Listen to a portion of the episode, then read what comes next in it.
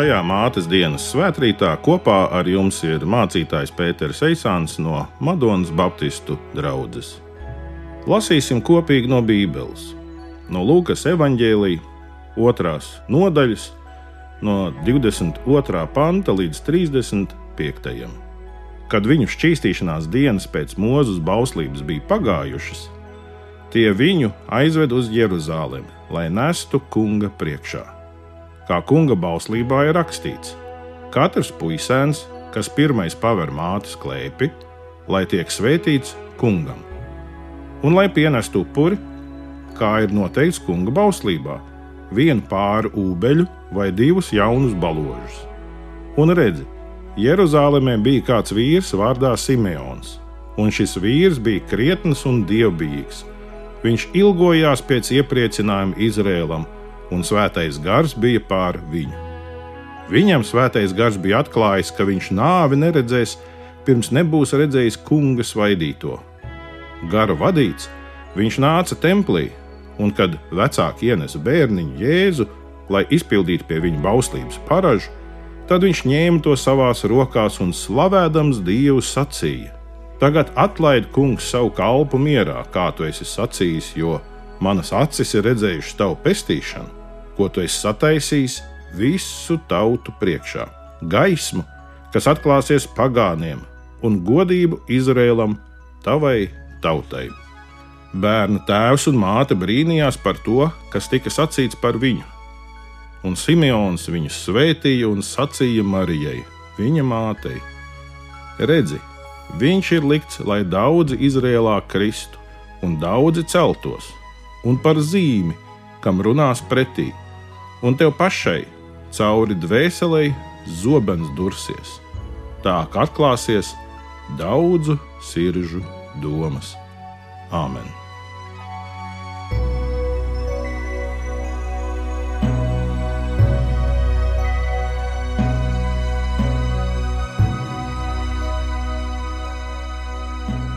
Šodien ir mātes diena. Un mātes diena ir tāda svētki, ko var vienlīdz svinēt gan ticīgie, gan neticīgie. Jo neatkarīgi no mūsu ticības, no mūsu pasaules redzējuma un uzskata, mēs visi esam ienākuši šai pasaulē pateicoties mātei. Ticīgie mēs sakam, Dievs to tā iekārtojis, Dievs tā to ir paredzējis.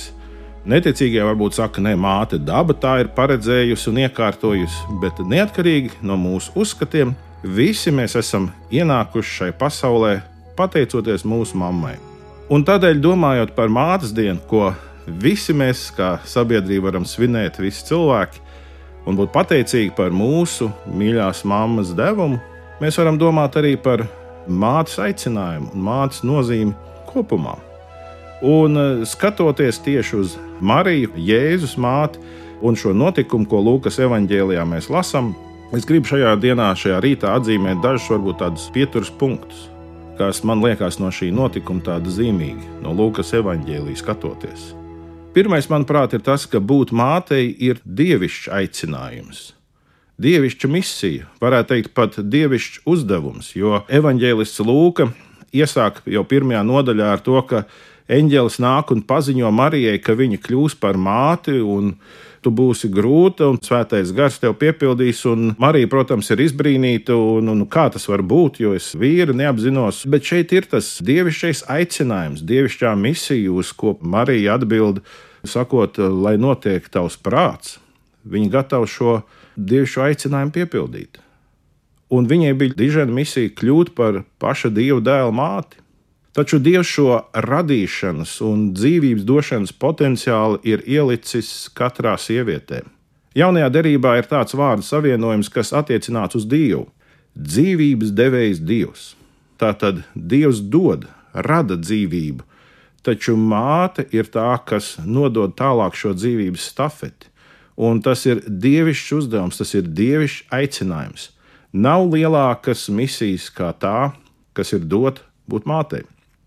Protams, ir vajadzīgi abi - vīrs un sieva, lai piedzimtu bērns, bet sieviete bērniņu iznēsā savā ķermenī. Tas ir ļoti personīgi, intīmi un ļoti tuvu. Viņa var būt sabiedriska darbiniece, un daudzas mātes tādas ir. Viņa var būt zinātniece, viņa var būt strādniece, viņa var būt pārdevēja, viņa var būt māksliniece, viņa var būt skolotāja, viņa var būt arī sportiste vai uzņēmēja. Taču viņas lielā dievišķā misija būt mātei, un lai svētītas ir visas mammas mūsu Latvijā.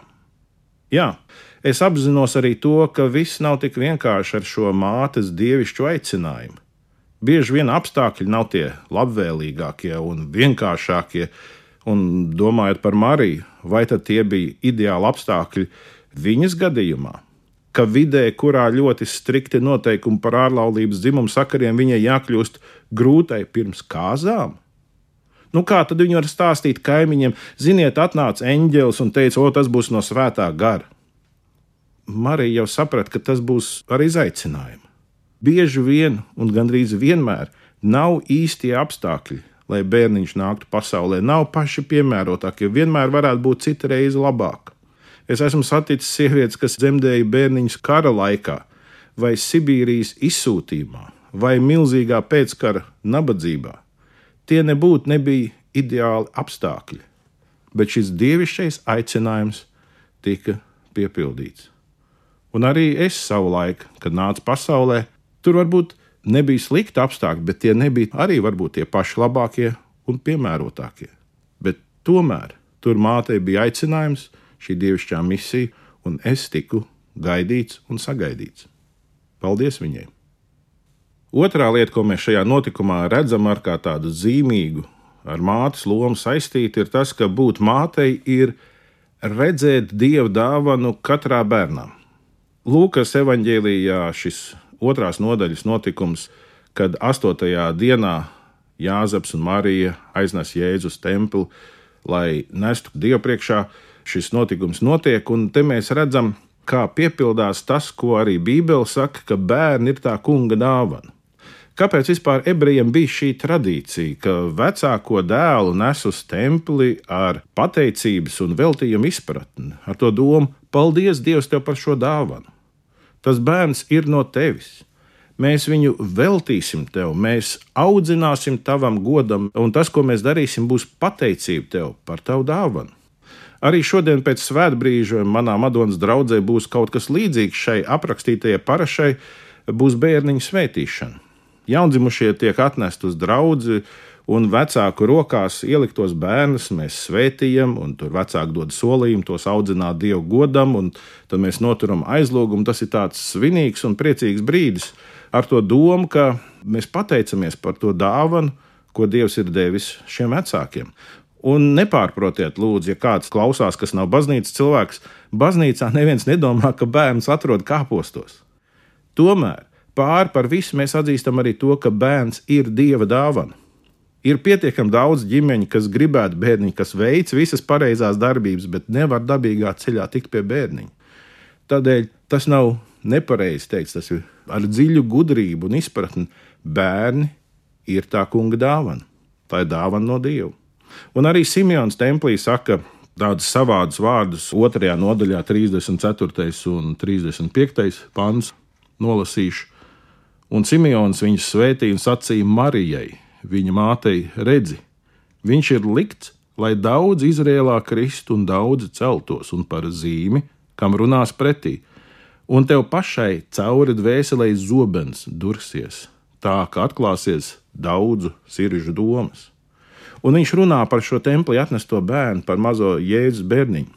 Tam bērnam būs īpašs dzīves uzdevums. Viņš nebūs parasts bērns Protams, ka būt par pestītāju un glābēju tā ir ļoti īpaša misija. Un daudzas varētu skatīties uz Mariju un pārmetoši teikt, jā, nu Marijai jau ir labi. Viņas desmitgadīgais puika bija pats Jēzus, abet manējais.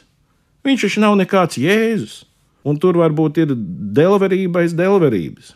Bet tomēr katra māte redzēs katru bērnu kā dieva dāvanu un pamanīs, viņā dieva doto apdāvinātību, kas katrā bērnā ir unikāla, atšķirīga un tikai tam bērnam piemītoša. Līdzīgi kā Simons redzēja šo nākotnes vīziju, ka šim bērnam ir savs ceļš ejams, savs īpašais. Un tādēļ būt mātei ir redzēt dieva dāvanu un dieva apdāvinātība katrā bērnā. Bet tajā, ko Simons teica Marijai, tajos vārdos ir arī varbūt neliels brīdinājums, un te ir tas varbūt tas trešais aspekts, ka būt mātei ir piedzīvot sāpes. Burtiski bērnu ienākšana jau sākās ar sāpēm. Tas bija liels pārdzīvojums personīgi man piedalīties dzemdībās un atbalstīt savu sievu, kad visi trīs bērni mums nāca pasaulē. Un mana cieņa pret sievu bezgalīgi pieauga pēc tā visa piedzīvotā, un redzot, kādas sāpes viņa spēja panest, upurējoties bērnu labā. Taču Marijai Templī Simons nerunāja par kādām pagātnes sāpēm, viņš runāja par nākotnes sāpēm. Viņš teica, tu redzēsi, tev pašai cauri dvēselē zobens dursies. Un, protams, pilnīgi noteikti tā ir tāda pravietiska norāde uz Kristu, uz viņa krustā sišanu, šo pestīšanas aktu, jo Marijai Jēzus bija īpašais bērns ar īpašu misiju. Taču, manuprāt, šo zobenu sirdī varētu attiecināt ne tikai uz Mariju, bet arī uz visām mamām un uz tām sāpēm, kas ir mātei piedzīvojot dažādas dzīves notikumus, bet īpaši priekšlaicīgi un pāragri zaudējot bērnu. Tas ir zobens, kas durās cauri dvēselē, un tur ir sāpes. Tādēļ bērni vienlaicīgi var būt prieka un laimes avots, bet arī lielu sirdsdēstu iemesls. Bet kā ceturto aspektu es gribētu minēt vienu, kuram bieži vien mēs paiet garām, un arī šeit, šajā notikuma aprakstā, Lūkas 1. un 2. nodaļā, kur ir par Jēzus piedzimšanu, un arī kā viņš tiek aiznests un pienests tam kungam templī 8. dienā, tas stāsts noslēdzās ar ļoti interesantiem vārdiem. Pēdējie vārdi tajā sadaļā ir: Un dieva žēlastība bija ar viņu. Un, manuprāt, būt mātei ir dzīvot dieva žēlastībā. Jā, šodien mēs svinam mātes dienu. Dienu, kad mēs sakām paldies katrs savai mātei. Un, ja mēs to tādā sabiedrības aspektā paskatāmies, tad tā ir diena, kad mēs sakām, jā, mātes mums ir svarīgas. Ļoti jocīgi reizēm uzvedās tie sociālo tīklu algoritmi. Vismaz man šajā nedēļā mātes dienai tuvojoties, izmeta piedāvājumu noskatīties tādu filmu, Stevena Šova filmu The Birth Gap. Tulkojot latviešu, tas būtu dzimstības plaisa. Un tur viņi runā par to, ka arvien mazāk dzimst bērni, un pie tam visos kontinentos. Viņi darbojas ar datiem, rāda dažādus grafikus, līknes, intervijas, protams, un nav tā, ka tur viņi pasaka, ka tur ir tikai viens iemesls. Iemesli ir dažādi. Citi gaida labākus dzīves apstākļus, citi varbūt gaida, nu, ka būs labāki partneri. Citi varbūt vienkārši ir aizņemti ar dzīves baudīšanu, jo dzīvot ir tik labi, un bērniem tad ir grūtības un dārgāk uzreiz. Un citi nekādīgi nevar tikt pie bērniņa, kaut viņi gribētu. Bet kopumā tā filma arī nu, tā, liek aizdomāties par to, ka sabiedrībām visos kontinentos arī draud lielas uh, problēmas. Ja paudze nāk, kurai daudz mazāk bērnu nekā tagad tie, kas ir pensionāri, bet tas ir tāds jau bija šī pat sabiedrības problēmām. Bet arī tā viena no lietām, ko es noskatījos filmas, secinu, ļoti bieži cilvēki pieņem lēmumus balstoties bailēs. Bailēs par nākotni, neziņā bailēs, ka ar saviem spēkiem nepietiks. Bet te jau ir tas, ka Dieva žēlastības būtība ir tā, mums nekad nav pieticis ar saviem spēkiem. Nekad mums nav bijis pietiekami labi.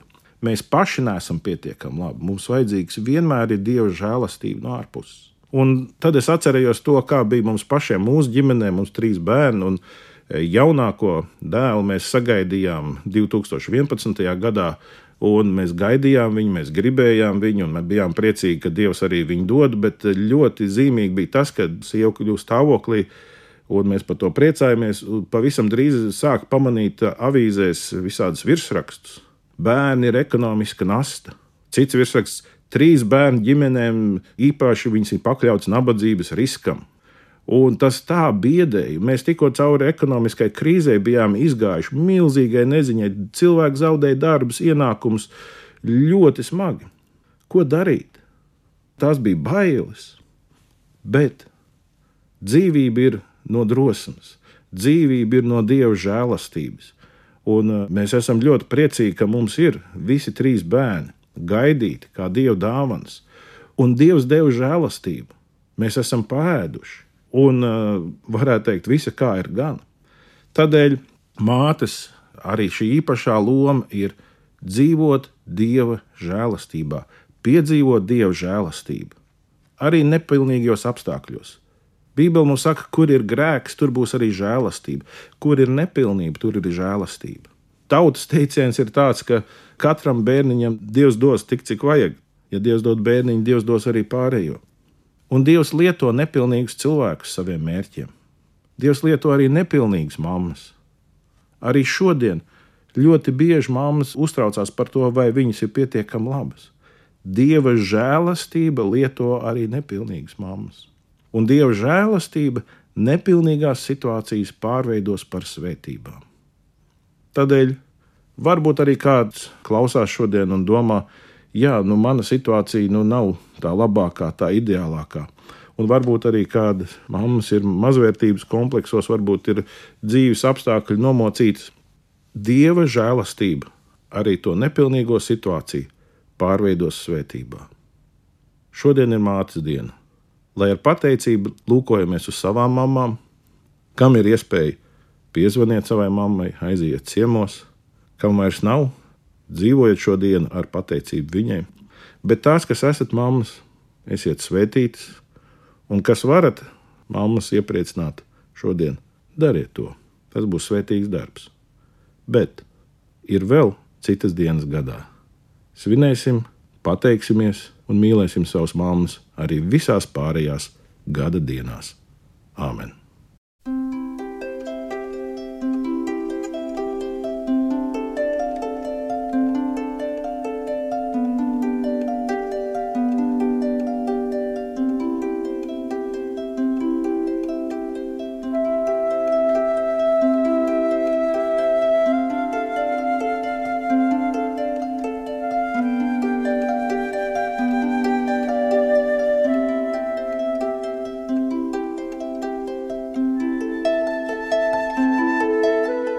Lūksim Dievu. Tu dzīvības devējs Dievs. Mēs tev pateicamies par to, ka tu dalies savā dzīvībā, ka tu ieaicini savā dzīvībā mūsu cilvēkus. Un paldies arī par to, ka tu esi izvēlējies lietot tādu ceļu, ka tu mammai un tētim dāvā šo radīšanas līdzatbildību. Paldies tev par to, ka tu man devi mammu Katrs cilvēks, kas klausās, arī var teikt paldies savai mammai par šo dzīvības dāvanu. Un paldies par to, ka tas arī ir tas, kas mūs šeit Latvijā vieno. Mums katram ir mamma, kungs. Un es tev lūdzu, lai tu neļauj to uzskatīt par kaut ko pašu par sevi saprotamu, ka vienmēr tā arī mēs to varam pieņemt, ka tā tam bija jābūt. Mamma upurējās mūsu labā. Māma pacieta kādas nērtības, pacieta sāpes reizēm negulētas naktis. Viņa nesa upuri mūsu dēļ. Tur, protams, ir kaut kāda līdzība ar Kristu, jo arī Kristus upurējās mūsu labā, mūsu dēļ, mūsu vietā. Mīlestība vienmēr ir saistīta ar upuri. Tādēļ paldies par to upuri, ko nesa mūsu mamma. Un, kungs, es tev lūdzu par mūsu laikmetu, lai mēs esam paudze, kas nepārstāja nest upuri dzīvības labā, bet lai to mēs pieņemam ar pateicību un ar prieku, un lai līdzdarbojamies tajā ar pilnu atbildību.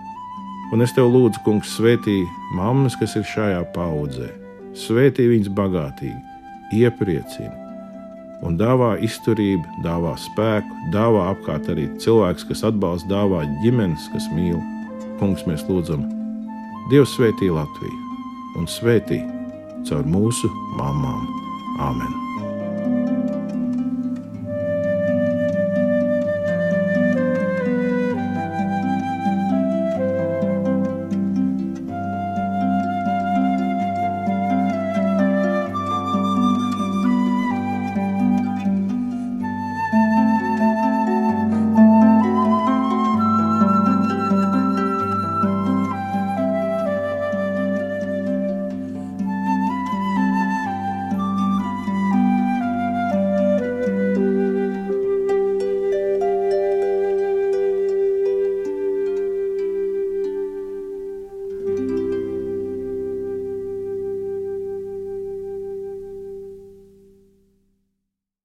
Jums kopā šajā svētbrīdī bija Pēters Eisāns, Madonas Baptistu draugs mācītājs.